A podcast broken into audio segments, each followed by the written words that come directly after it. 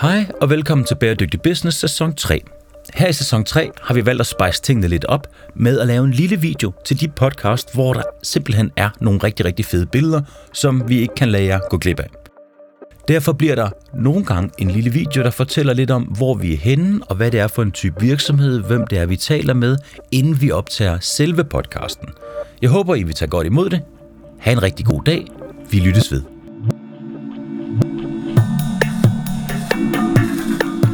Lytter til podcasten Bæredygtig Business. Lige nu står vi over for flere udfordringer. Klimaforandringer, knappe ressourcer og social ulighed. Men i denne podcast lægger vi idealismen på hylden og undersøger, hvilken rolle verdens virksomheder vil spille i omstillingen til et bæredygtigt samfund. Tag med, når CSR-direktør og foredragsholder Steffen Max Hø taler med førende eksperter og undersøger, om der er penge i at tage et socialt og miljømæssigt ansvar.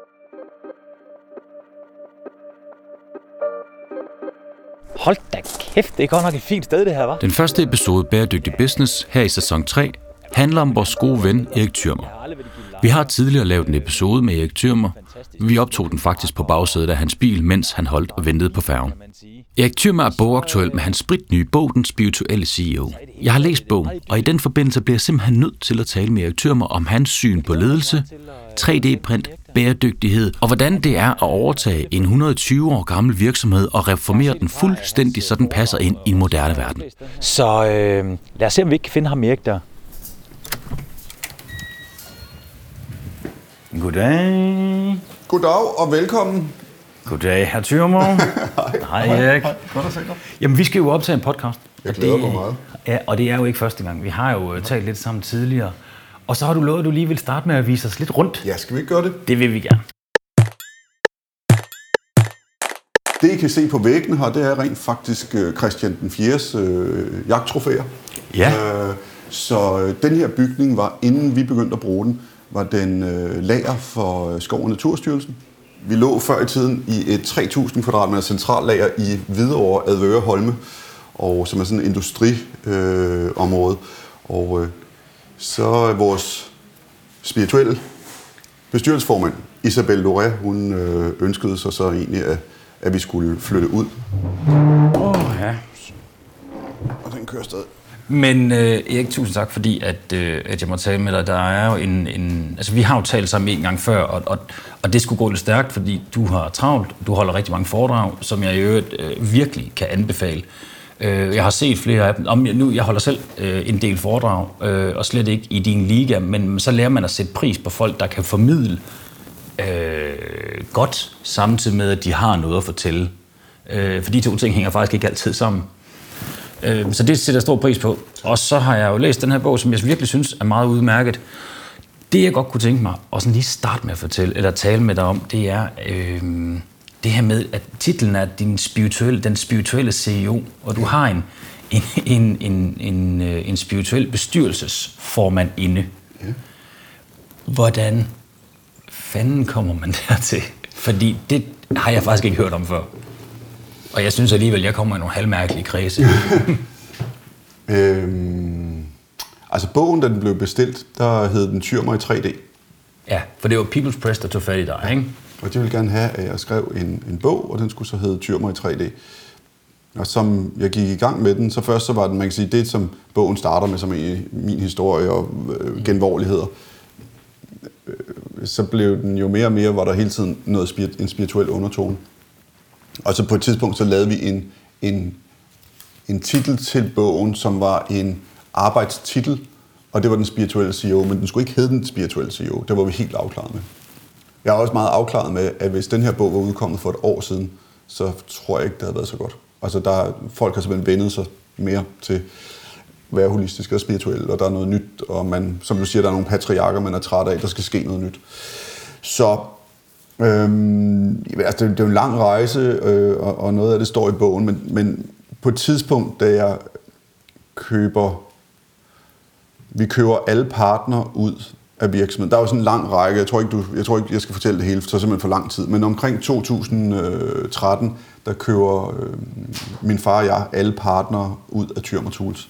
Og det var jo et tilbagekøb, det var ikke noget, jeg havde havde overtaget. Det har nogle gange været sådan lidt en svær størrelse for mig, fordi i virkeligheden er det en startup, men jeg bliver tit anset for egentlig bare at have arvet det hele, mm. hvilket på ingen måde jo er Det må sandheden. være vildt provokerende, faktisk, for at sige det sådan. Der. Mm, Jeg skal vende mig til det en gang. Ja, Ja, ikke? ja, ja. Det bedste, det er, når min far i øvrigt meget kærlige toner. Jeg vil sige, hans, hans øh, råd er blevet noget, jeg kan lytte mere og mere til, mm. øh, og sætter mere og mere pris på øh, med alderen. Men, men, øh, men når han ringer og siger, ej, nu synes jeg lige, du skal gøre sådan og sådan, og det er jo også firmanavnet, bare sådan, prøv lige at høre her, ikke? Altså, nå. Men øh, det, det har vi vores sjov med. Men, men øh, ja, så, så man kan sige, ligesom første gang jeg får ligesom fodfæste, og nu er det altså mig, der bestemmer, der er vi i 2013, Ingeborg er med ombord, hun havde forladt sin stilling øh, i lærerstandens brandforsikring, og øh, hvor Ingeborg er struktur, der er jeg opfindelser og vildskab. Og øh, det var en meget, meget, meget stor oprydning øh, af, dengang hed det Val Tyrmer Rosenvingen, og, øh, og så havde Ingeborg jeg 100% ejerskabet af danishtools.com, som ligesom var det der moderne, og vi mm. havde en vision om 3D-print. Men øh, vi, øh, vi drev det hele øh, under et, og der var rigtig mange ansatte. Og så, jamen jeg blev modarbejdet på så, på så grim vis af så mange interne, at, at øh, på et tidspunkt blev jeg anbefalet at, og, øh, at, at gå til yoga. Og øh, under en afspændings session efter yoga, der, der lige pludselig så var den der bare. Og øh, jeg vidste, at jeg skulle fyre 25 procent af, af de ansatte.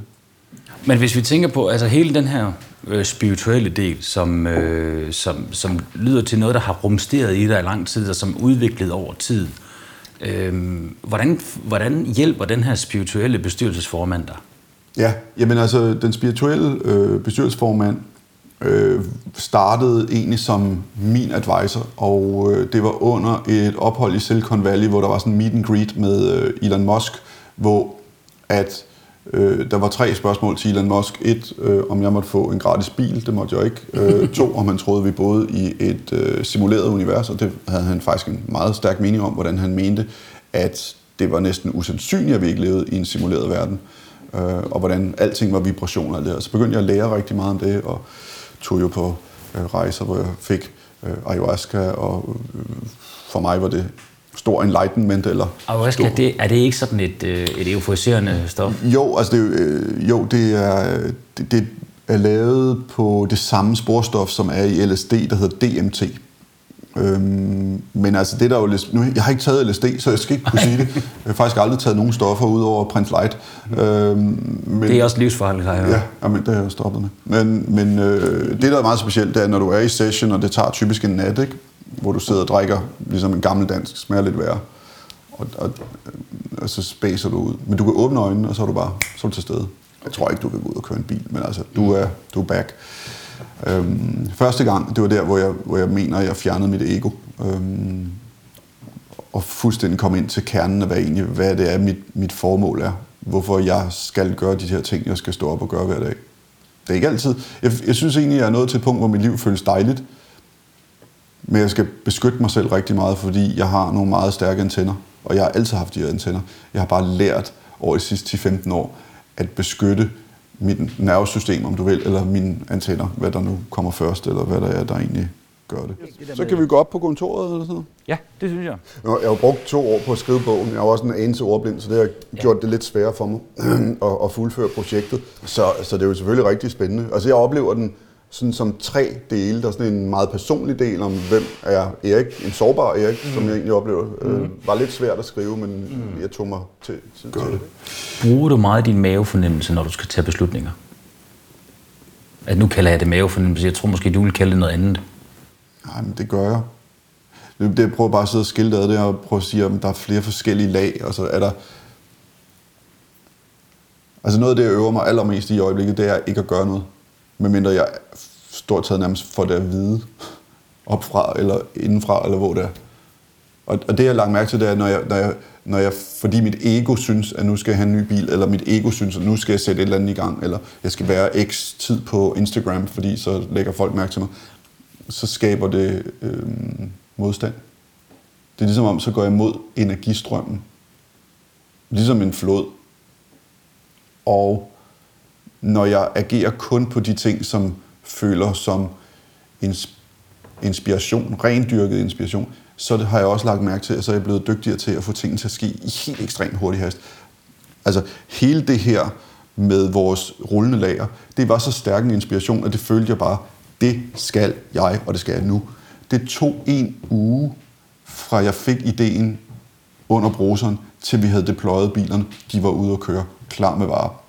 Og det, det er det, jeg bare ser mere og mere, det er, når du agerer i, i de rigtige vibrationer, med de rigtige, øh, bliver måske for meget at sige, men, men, men i de rigtige strømninger, så sker det, så manifesterer du øjeblikkeligt. Og det for den ikke-spirituelle kan det lyde som volapyk, men det betyder i virkeligheden om, at når du gør ting, som er det rigtige for dig, og det du har bygget op omkring dig, så sker der gode ting. Du bliver hjulpet af ting, du ikke kan se. Jamen, det kan jeg sagtens føle, og det er vel også hele karma. Øh, ikke teorien ja. om, at man sender noget ud, og så får man noget tilbage på en eller anden måde. Hvordan, når, når du handler sådan, hvordan passer det så ind med, med, med et team? Det kræver vel, at man er som leder meget egenrådig i en eller anden forstand. At man siger, bum, det er det her, vi... Altså, man kan vel dårligt gøre det i en bestyrelse, hvor man sidder med en masse andre mennesker og skal blive enige. Nej, altså, og det var også det, jeg oplevede med bestyrelsen mere og mere, det var, at de... Altså, jeg, tror, jeg kan ikke huske, om det står i bogen, men der var jo det her berømte øh, citat, hvor at vores bestyrelsesformand sagde, det der uh, distortion, skal vi ikke gøre det næste år? Ja, det er jo disruption. um, det, det er den sidste side i bogen. Det er jo simpelthen for det første utrolig sjovt og dybt tragisk samtidig. Ja. Men, men altså, jeg, jeg gjorde det, at jeg fyrede bestyrelsen, og fik virkelig meget ballade ud af. Og der sad så en... Jeg prøver virkelig ikke at nævne nogen i bogen, men jeg vil gerne her nævne øh, den advokat. Så en advokat, der hed Ole Segetti, øh, som støttede mig i det. Han kunne se min vision, uden at han blandede sig. Han var villig til at fyre sig selv og fyre resten af bestyrelsen, for han sad i bestyrelsen. Ja, fordi der ejer du faktisk virksomheden. Ja. Uh, min far var stadigvæk medejer af en af virksomhederne. Ja. Og øh, det er første gang, jeg har set ham, hvor han ringer til mig og siger, har du fyret bestyrelsen? Og så sagde jeg, ja. Og så var han helt stille, og det... Min far er ikke en mand, der hisser sig op, men han, øh, han, han er et meget stort brokkehoved, når tingene ikke går, som han mener, de skal være. Men det var, der var han helt stille, og så sagde han, okay, hvis du mener, det er det rigtige, så er det vel sådan. Og, øhm, det må da også have været rart at få altså en anerkendelse af, at du har taget en beslutning, og den... Nej. Nej? Nej, jeg var dødskræmt. Det var første gang, at jeg ligesom, at alle sagde, okay, du ved nok bedst. Ja, så lige så stod man Hvad hvis med, det ikke med magten. Hvad hvis nu jeg havde, undskyld udtrykket, fucket helt op, ikke? Så jeg var faktisk døds, døds bange for det, jeg havde gjort. Uh, og jeg følte mig så alene i verden. Og, og jeg kom ind i også nogle dårlige rytmer. Jeg begyndte at øh, drikke lidt for meget alkohol. Ikke sådan, at du ved, jeg gik hjem og sad og drak whisky, men når der var adgang til alkohol, så drak jeg et glas for meget. Eller, og det var heller ikke fordi, at jeg så var, blev tosset eller underlig, men, men det var nok til, at det sled på min energi. Øhm, tog øh, træve og panodiler, bare for ikke at kunne mærke alt for meget, for jeg mærkede alt hele tiden, og mange mennesker var meget vrede på mig, og jeg havde ikke lært at beskytte mig. Altså man kan simpelthen lære at beskytte sig mod andres energier. Ikke? Øh, jeg tænker nogle gange på, apropos Trump igen, det må godt nok være lavet noget stærkt stof, ikke? Jo, men han har jo så også fået, øh, fået skubbet alle andre væk omkring sig, så han kun har de der ja rundt om sig. Ja, men jeg tror stadigvæk, at hvis der er tilpas mange, der synes, man er en grimmer, Jan, så, så man kan mærke det energetisk. Det tror jeg også. Men, men det er så en anden side af det. Men så øh, på grund af øh, mit sidste spørgsmål jo til Elon Musk var, at, er det er det rigtigt, at han har en spiritual guide, han i, øh, i administrationssetup, der blev sagt et, ved, nogle fancy ord, der er det en purpose-driven guide. Så de kalder det ikke en spiritual guide, og så tænker jeg, hmm. Og jeg havde arbejdet øh, siden 2012, tror jeg det var, med Isabelle Loret, og øh, som, som øh, øh, altså tog sådan en yes man ting, så jeg endte med i, i 2010, der var jeg så ødelagt i min krop og nedbrudt af økonomisk krise og vores lille datter, der blev født ekstremt for tidligt, alle de her frygtelige ting, vi gennemgik, at, at jeg var bare nedbrudt, og så var det eneste, jeg kunne ty til, det var ligesom at sige, jamen, okay, nu kigger jeg på alt fra nomologi øh, til øh, shamanisme, der var ikke noget. Og hver gang jeg mødte nogen, og de sagde, det skal du gøre, så lavede jeg ligesom Jim Carrey-filmen, så jeg bare, yes, Og så gjorde det. Altså, der var intet, jeg ikke gjorde. Øh, jeg førte mig nogle fantastisk spændende steder hen. Øh, jeg kan huske i Bagsvær en gang med et russisk medie, øh, der transcenderede UFO'er øh, ned igennem. Altså virkelig oplevede nogle vilde ting, og en årgang ville faktisk lave en, en website, der skulle hedde guru.me, guru.me, øh, for at man simpelthen kunne, ligesom bilbasen, hvor man kan se, hvor mange stjerner en bil har, eller et eller andet. Så kunne man gå ind og rate et. rate spirituelle mennesker, ikke? Øhm, men det havde vi så ikke tid til. Men, men i starten, der var, var Isabel en person, der, der støttede mig i at forstå, hvordan jeg beskyttede mig selv, hvordan jeg uddannede mig. Altså jeg tog jo en stort taget en formel uddannelse i nomologi og en, en formel uddannelse inden for clairvoyance. Øhm, jeg har taget en uddannelse i at se spøgelser. øhm, det var jo rigtig uhyggeligt, kan jeg godt fortælle dig. Øhm, Altså, hvor, hvor du så spøgelser? Ja, altså, det, jo- jeg vil helst ikke postulere noget, vel? Fordi hvis Nej. nu der er nogen, der sidder og siger, det tror de ikke på, så vil de tænke, hold op, han er skingerne gal, ham der. Ja, men, det, det, det kunne nogen jo nok godt finde ja, på at tænke. Så derfor så vil jeg ikke gå ud og postulere det. Men jeg tog i hvert fald kurset. Mm. Men så vil jeg sige, det var uhyggeligt at tage kurset. Hvad end det var. Hvad, uge. hvad handler sådan en kursus om? Jamen, så sidder man på, øh, vi sad på et meget gammelt slot. Altså, Harry Potter-skolen findes jo i virkeligheden, ved du godt det? Nej, det gør jeg ikke. Jo, og det jeg ligger, ikke i, til mine børn heller. så- ligger i Midt-England, den hedder Arthur Findlay. Altså, der, læ- der kan du tage over, og så lærer du at blive clairvoyant, eller hvad i alverden du nu har lyst til. Altså, den eksisterer. Den ligner Harry Potter-skolen. Det er jo fantastisk. Det er Nu har jeg set øh, to referencer til Star Wars. Er du, øh, er du lidt Star Wars Ej, men jeg tror, det er noget, folk har puttet på mig. Altså, jeg, jeg kan rigtig godt lide Star Wars, det er slet ikke det. Men øh, altså, vi har jo også øh, 3D-printet en, øh, en dødstjerne. Det er meget skægt det der med, at det vækker jo så mange øh, tanker ind i hovedet, når man taler om sådan noget. Ikke? Fordi at, at jeg tror også på, at der er noget mellem himmel og jord. Men, men så lige så snart, at der er nogen, der siger det, at de mener det sådan seriøst, så er det sådan lidt, jamen, jamen er det nu også det? Og, og hvad er det der clairvoyance og sådan noget? Jeg har jo selv været til clairvoyant og fået utrolig meget med derfra. Øh, Altså jeg bruger det sådan, jeg har sådan en, en holdning til det, for jeg har jo også en, en meget øhm, nordjysk hustru, som tager alting med et gram salt. Så jeg har, øh, jeg har måttet tillære mig øh, et system, jeg kalder push-pull. Det vil sige, jeg kan godt fortælle en lille bit smule om, sådan, "Nå, mm, eller et eller andet, jeg har set på YouTube om UFO'er, eller et eller andet. Og hvis folk siger, det tror vi ikke på, eller det er latterligt, altså, så, så, så gør jeg med det samme det, så trækker jeg mig tilbage, og så siger jeg ikke noget. I starten der havde jeg virkelig meget behov for at sige, ved I godt numerologi, hvad det kan, eller ved I godt, hvad clairvoyance kan, eller transcendering, eller et eller andet. Og, øh, ja, det kendetegner også meget den der nye person, der har lært noget, hvor det er, den der lidt mere erfaren person kan trække sig tilbage og hvile i det, og så bruge det, når det er relevant. Altså, Ja, også fordi, fortælle om at, det. at det jeg jo mere og mere kan se, det er, det er ikke for alle at lave de her forandringer. Det er ikke alle, der skal ændre deres karma og deres skæbne. Men Isabel var jo, altså jeg blev sendt ind til Isabel, jeg lå hos en øh, hestevæsker, øhm, meget dygtig øh, kvinde, Sissel Sommer.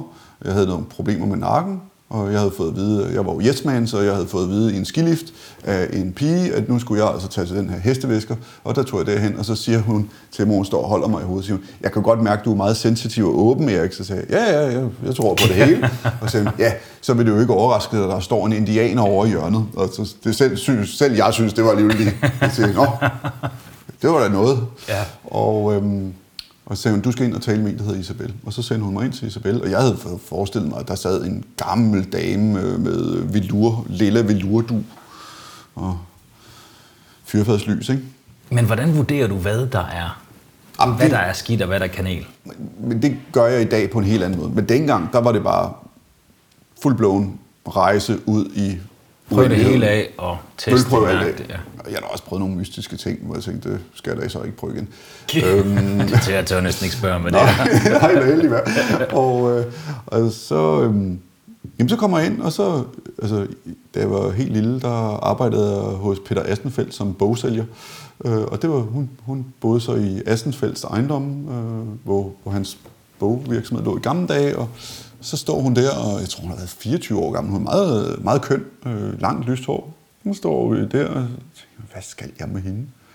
Og øh, hun har senere fortalt mig, at hun har også bare tænkt, den der første session, hvad er det lige, jeg skal med ham her? Men, men så magtede hun simpelthen at mappe og grave. Hun, er, hun, altså, hun vil være sådan en, man siger, der taler med engle, eller altså, kan stille ind på alt. Hun er en, en, en person, der har klarsyn, hvad end man så vil lægge i det. Og hun, jamen hun gik jo faktisk i, i gang med at reparere mig som individ. Hvem jeg er. Altså, hvor det handlede faktisk mere om at gå tilbage, og hvordan var det med min stefar, eller min mor, eller min far, og stedsøskende, og alle mulige konstellationer. Og så på et tidspunkt, så blev det, kom det til at handle meget om virksomheden. Hun lavede nogle syge calls, altså omkring virksomhedsting, hvor jeg var Altså fordi en ting er at sidde og sige, ja, men jeg synes også, øh, jeg har et virkelig dårligt forhold til mine fætter.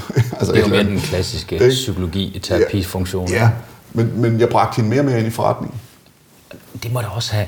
Altså, der må, der må være nogle stakeholders, der synes, det er, er en lille smule utrygt, at der kommer en person ind, der navigerer ud fra en, altså ikke en, mildestal, ikke en klassisk business-kontekst, men en meget mere spirituel kontekst. Ja, altså, de, de var bange for, om jeg havde tabt hatten, men jeg var også bange for, om jeg havde tabt hatten. Altså jeg var bange for, om det var sådan lidt øh, ligesom, øh, hvad det der Tom Cruise er med i? Øhm, han er med i sådan en religion. Åh, oh, Scientology. Ja, altså var, var det egentlig det, jeg havde bevæget mig ind i, men ikke havde set det, at jeg nu var i det her. Øh, så det, det tænkte jeg meget over, om jeg var virkelig ved at blive skør. Øhm. Men du har vel testet det, fordi jeg kan, når jeg læser bogen, så nævner du flere eksempler, hvor du har lyttet til hende, og det er gået godt, og nogle eksempler, hvor du ikke lyttede til hende, hvor det er gået mindre godt. Mm. Altså, så, det, altså, så hun må over tid også have opbygget en tillid. Du ja, altså man kan sige, vi er jo ligesom spirituelt vokset op sammen, ikke? fordi okay, hun var 24, jeg har været 30, 32, ikke? Så vi jo ligesom, altså hun havde jo ikke, havde, på det tidspunkt havde vi jo ikke nogen erhvervsklienter, i dag har hun jo altså nogle af de førende virksomheder i hele verden, øhm, og arbejder ud af New York og Paris. Øh, men, men, men det jeg jo bare så, det var, at når vi, så kan du kalde det purpose, du kan kalde det spiritualitet, men i virkeligheden så handler det om, at tage alle dine brækker, og så line dem op, så de går det rigtige sted hen. Og så være meget afklaret med altså, det, som vi så kan kalde øh, designledelse. Ja, men det er bare en lille ting af det, som vi egentlig gjorde. Altså, det, var, det, var sådan, det er et ord, man kunne sætte på noget, som var det mest naturlige at gøre. For eksempel, vi sætter aldrig noget i gang, med mindre helt ned på lagerniveau, at de er fuldstændig enige. De har forstået det. Vi er enige om, at vi skal den vej, og det er det, vi går efter. Hvis der, ikke er, hvis der er en, der bare er en lille bitte smule i tvivl i virksomheden, eller ikke synes, det er en god idé, så gør vi det ikke. Men er det ikke en voldsom langsomlig proces? I starten er det, men så accelererer det eksponentielt. Mm. Så, øh, så jeg bragte Isabel mere og mere i spil ledelsesmæssigt. Hun begyndte at komme på virksomheden, og det provokerede de ansatte helt vildt. Og det provokerede også mig, fordi Isabel kunne gå forbi et, dengang øh, på, på Hammerholmen, der, der havde vi sådan, altså, jeg ved ikke, hvad den har været, 40 meter lang direktionsgang, sådan en rigtig gammeldags direktionsgang, hvor mit kontor, som var 50 kvadratmeter, var et hjørnekontor nede for enden, og der kunne man gå ned igennem. Ikke? Sådan en rigtig patriarkalsk mm. setup. Men altså, der kunne hun gå ned den der gang, så hun kom ned til mig og sige, øh, kontor 4, der skal du fyre den, den og den. Og bare sådan, hold nu op, Isabel, det kan man ikke, vel? Altså, det, det, så virker det ikke i voksenverden, Jeg er ikke sikker på, at fagforeningen vil synes... Nej, jeg har også fået problemer med fagforeninger løbende med det her, men, men har også altid fundet ud af det, fordi vi har aldrig gjort det, vi bare smidt folk ud. Vi har altid fundet et nyt job til dem og prøvet at være... Altså, det ville ikke være særlig holistisk. Men, men det har været, det, det har været en svær størrelse, men, men altså, jeg vil sige, som årene gik, og vi, altså, Isabel kunne altid se endemålet. Jeg kunne ønske mig endmålet, men hun kunne se, hvor det var. Og som delmålene fandt sig hjem og materialiserede sig, det var imponerende. Og så på et tidspunkt, så flytter Ingeborg og jeg så Tyrmer Tools og 27 sammen. Øh, Ingeborg drev 27 på DTU, og så flyttede vi virksomheden sammen. Og vi er ligesom den første virksomhed, der har lavet, nu er der flere, der har lavet det her, der hedder en X-department, hvor man prøver at udkonkurrere moderselskabet fra udefra. Men vi er en af de første virksomheder, der har, har lykkes med at lægge dem sammen. Ikke? Skal vi prøve at ringe til uh, Isabel? Det kan vi godt. Hej Isabel, det er Steffen her. Hej, jeg har simpelthen hørt så meget godt om dig, både fra Eriks egen mund lige nu, og så har jeg jo haft fornøjelsen af at læse bogen. Ej, det er dejligt. Ja, og altså, jeg spørger jo lidt ind til hele den her øh, konstellation, om man vil, så hvor det er, at, at Erik bruger dig meget til, øh, til rådgivning. Altså, hvordan fungerer det? Hvordan, øh, hvad er det, du navigerer ud fra? Jamen, altså, jeg går ind og bruger min intuition. Øh, og så har jeg hele mit liv været, fået beskeder og fået beskeder ind, hvor jeg har set, hvordan tingene skal være ideelt, og hvordan tingene kommer til at være, og så får jeg vist skridt for skridt, hvad der skal gøres. Så det, jeg modtager simpelthen som en kanal beskeder. Og, og øh, er det sådan, altså, er det så, Erik klæder han dig så på i forhold til, øh, jamen jeg har de og de udfordringer, eller hvordan, hvordan kommer du frem til en, en vurdering? Altså jeg spørger, fordi jeg er meget fascineret og har aldrig hørt om det før. Nej, altså nogle gange, så, hvad hedder det, så kommer han med en specifik, altså specifik problematik, og så, øh, og så får jeg en besked om, hvad det er, der skal gøres. Øhm, i starten, da vi arbejdede sammen, der, der var vi begge to nye i at bruge den her form for teknik. Så derfor, så, hvad hedder det, så, så er vi nødt til ligesom at tage det, der lå lige fremme. Altså for eksempel kunne jeg mærke, første gang jeg mødte Erik, at han havde en uro indvendigt, fordi der var noget, han kunne mærke intuitivt, der ikke var, som det skulle være. Han kunne mærke, at der kom til at være en masse forandring i fremtiden. Og han kunne mærke, at, at han ligesom... Øh, han var nødt til at ændre virksomheden, og han var nødt til at tænke på en helt anden måde, end de forrige generationer har gjort. Og, og der gik vi så ind sammen, og jeg kunne kun give ham ret. Altså, jeg har også den samme fornemmelse. Og så går vi ind sammen og ligesom prøver at mærke efter, hvad er det, der skal ske, og, og, og hvad kan vi gøre for, at den her virksomhed kommer til at, altså, at klare sig rigtig godt i fremtiden, og passe ind i den tid og den verden, vi går ind i.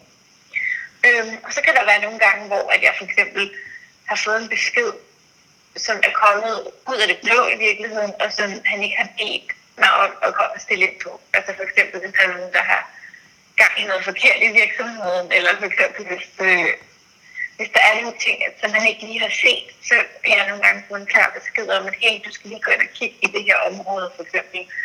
Øh, med virksomheden kan det være, at det er noget med lageret, eller det kan være med den her bog, har det været noget med noget PR så kan jeg få nogle beskeder, som kommer utroligt klart til mig, og som, som ingen måske lige havde set. Og det, det er det, der sker, når jeg står udefra, og egentlig ikke er en del af den daglige drift. Så, det, så kan der komme nogle klare, altså noget klarhed ned, som man ellers ikke har mulighed for. Det lyder... Det er så fantastisk, der, at, at når, jeg, når jeg står ude, altså udefra, og egentlig ikke er en del af, altså af det daglige, så kan jeg sige tingene utroligt klart til Erik, og så, og så giver det bedre mening for ham. Og sådan tror jeg, det, sådan er det for mange mennesker, at hvis der kommer en udefra, så kan de ofte se tingene meget klarere, end man kan, når man står i det selv. Ikke? Jo, men det, det tror jeg, du har fuldstændig ret i. Og det, det, har, og, og det er en rigtig stærk pointe. Jeg tror, der hvor det er, det er specielt, det er, at, at du navigerer jo så ud fra sådan mere spirituelt, øh, en spirituel betragtning. Og, øh, og, og det der er jo mange, øh, eller det der er jo, det, det hører man jo mere og mere om. Altså man kan sige, Elon Musk er, er jo en af dem. Øh, Isabella, Ja. tusind tak, fordi at, øh, jeg lige må tale med dig. Det har virkelig været en fornøjelse, og det kan da godt være, at hvis jeg er rigtig heldig, så får jeg dit telefonnummer, og så kan det være, at jeg en dag selv skal have en spirituel rådgiver. Tusind tak, fordi vi må tale med dig. Selv godt. Hej, hej. Jamen, hun lyder for det første rigtig sød, og, øh, og, og det, det harmonerer jo virkelig godt. Altså med, at, at, at det, som, du, altså som man får fornemmelsen af, når man læser bogen, at du navigerer ud fra hele verden, det her det holistiske, som du taler om. Og derfor er det ikke nok at bare have en, en business-betragtning på tingene. Det er et bredere perspektiv, der skal med. Det lyder som om, det er der, hun hjælper dig. Ja, altså, ja, men der var også en rejse i det. Altså, det var også en rejse i at gå fra, at en 25-årig pige ikke bare havde fikse idéer, men man så, at det rent faktisk materialiserede sig til store penge på bundlinjen. Ja, fordi hvor gammel er du? Hun er 25, og du var på det tidspunkt cirka... 32. det er jo alligevel også, altså, det er jo også specielt, ikke, at man lytter til en. Altså, men det, Jo, jo, altså jeg blev også nødt til at tale med min hustru om, at jeg hang ud med en øh, lyshåret øh, pige hele tiden. Ikke? Jamen, altså, det, det er jo et andet aspekt, ja. Ja. Det kunne også godt lyde forkert, kan man sige. Ja, præcis. Og, og, og derfor var det jo også en, en, en, en ting. Men øhm, som, som det begyndte at, at komme dybere og dybere ind under huden det hele, øh, og vi så, at det materialiserede sig, så det virkede, og vi, der, der er nogle ting, jeg juridisk ikke kan tale om, men vi har været igennem nogle seriøst vilde navigationer. Og, og, øh, og der, har, der har Isabelles insight været exceptionelt værdifuld. Nej, nej. Har du ikke hørt det? Nej. Nå, okay, vi havde en uh, gut øh, til at hjælpe os med at starte 27, der hed Manus. Og, Okay, øhm, det har jeg da hørt. så- Det er, hvor jeg printede. det er altså Manus' farmor var blind, så hun kunne ikke se det der sort foto af hans ufødte barn. Så Ingeborg og, øh, og en, der hed Greta, de fandt på metoden til at, øh, at 3D-printe ud fra en scanning af maven. Og øh, så printede de en fuld baby. Det er fuld foster foster. ind i maven, som de har 3D-printet. Det er sgu vildt nok. hva'? Og hvordan tror du, at man kan øge graden af innovation i virksomhederne? Hvad kunne man gøre sådan fra statslig side, om man vil? Fordi, som du siger, at 90% af alle virksomhederne det- er jo de her små og mellemstore Jo, virksomheder. jo, men det er jo det, der er så frygteligt, det er jo, at, at øh, 98,1 eller andet procent af alle de penge, som, som bliver postet, voldpostet ud i systemet, det går til øh, kapitalfonds eget Fortune 500 øh, eller Fortune 10.000 virksomheder. Og de har i hvert fald ikke en lang tidshorisont. Nej. Så, så, så man siger, jeg kan være, okay, så jeg kan være bekymret for, hvordan løser vi øh, hele den her med, at vi skal forbruge mindre, samtidig med, at vi skal være miljørigtige. Øh, det, det, der, er, altså, der skal vi komme op med noget. Og derfor så tror jeg, hvis vi, hvis vi prøver, i stedet for at være så mørk, så prøver at komme med nogle løsningsorienterede ting, så vil sige, vi er på et sted nu, hvor det bliver teknologi, der løser klimaproblemet. Det bliver ikke at køre mindre, eller bruge mindre olie, eller bruge mindre det ene eller andet. Det bliver en, en eller anden i et eller andet land, der opfinder en CO2-skrubbe, der kan spise øh, CO2. Øh, så, så det bliver teknologi, der løser tingene for os. Ja, det er vel mange begge små. 3D-print kommer jo også til at gøre en kæmpe del, ikke? Ja, men tror du, altså nu taler vi jo altså storpolitik her, vi taler ikke kun Danmark, vel? Tror du, at Kina de ruller rundt på ryggen og siger, nå okay, øh, nu vil vi... At, at du skal... Jeg har været med til at flytte en fabrik til Kina i 2002, hvor vi fik Danida-støtte til at hjælpe kineserne. Altså, Det var jo, øh, det var jo inden, at, øh, at man fik, tre, jeg tror det var, jeg kan ikke huske, hvor mange millioner mennesker det var, man flyttede ud af fattigdom i Kina, og så lavede man simpelthen altså verdens fabrik. Så kom alle virksomheder derned og begyndte at og producere. det slipper kineserne ikke. De slipper ikke den power. Men ved Magten ligger i 3D-print, produktion. men hvis man laver 3D-print så effektivt, som, mm. øh, som man kunne drømme om, Ja. vil man så ikke netop, altså vil det Kina ikke få et problem? Og andre store industrilande, vil de ikke få et problem? Fordi så begynder vi vel at hjemtage noget af vores produktion. I hvert fald den, vi selv Jo, bruger det tror, jeg, herhjemme. jeg tror 100 procent, at, at det er vejen frem. Ja. Det vil være den lette løsning, fordi at de vil ikke kunne styre det. Mm. Vi skal så tænke, vi skal tænke ret bredt, fordi vi bliver nødt til at tænke over, hvordan får vi materialer. Ikke? Nu så man, at USA kan faktisk ikke lukke ned fra Hawaii, fordi så lukker Kina bare for x materialer, som de har sat sig på i Afrika. Ikke? Jo. Men, men altså, vi har talt for eksempel med Nordisk Ministerråd, der vi taler om, kunne man bruge øh, gammelt halm fra marker, kunne man bruge det som byggemateriale til at 3D-printe ud af. Mm. Og det, der er alle mulige... Så begynder der, det er jo nogle helt vilde tanker. Altså Hensa Moritz, de kigger på øh, en løsning, hvor de bruger korn, øh, som de omdanner til at 3D-printe fra. Så, altså, og det kommer. Og det bliver vores løsning mod CO2, og det bliver vores løsning ved at beholde arbejdspladser. Erik, man kan jo sidde og snakke med dig i uendelig lang tid, uden at gæde sig. Tusind tak for i dag. Det har været en fornøjelse både at se øh, stedet, hilse på din kone, og ikke mindst tale med dig. Tak fordi jeg måtte være med. Tak fordi I lyttede til podcasten med Erik Thyrmer. Jeg håber, I synes om den.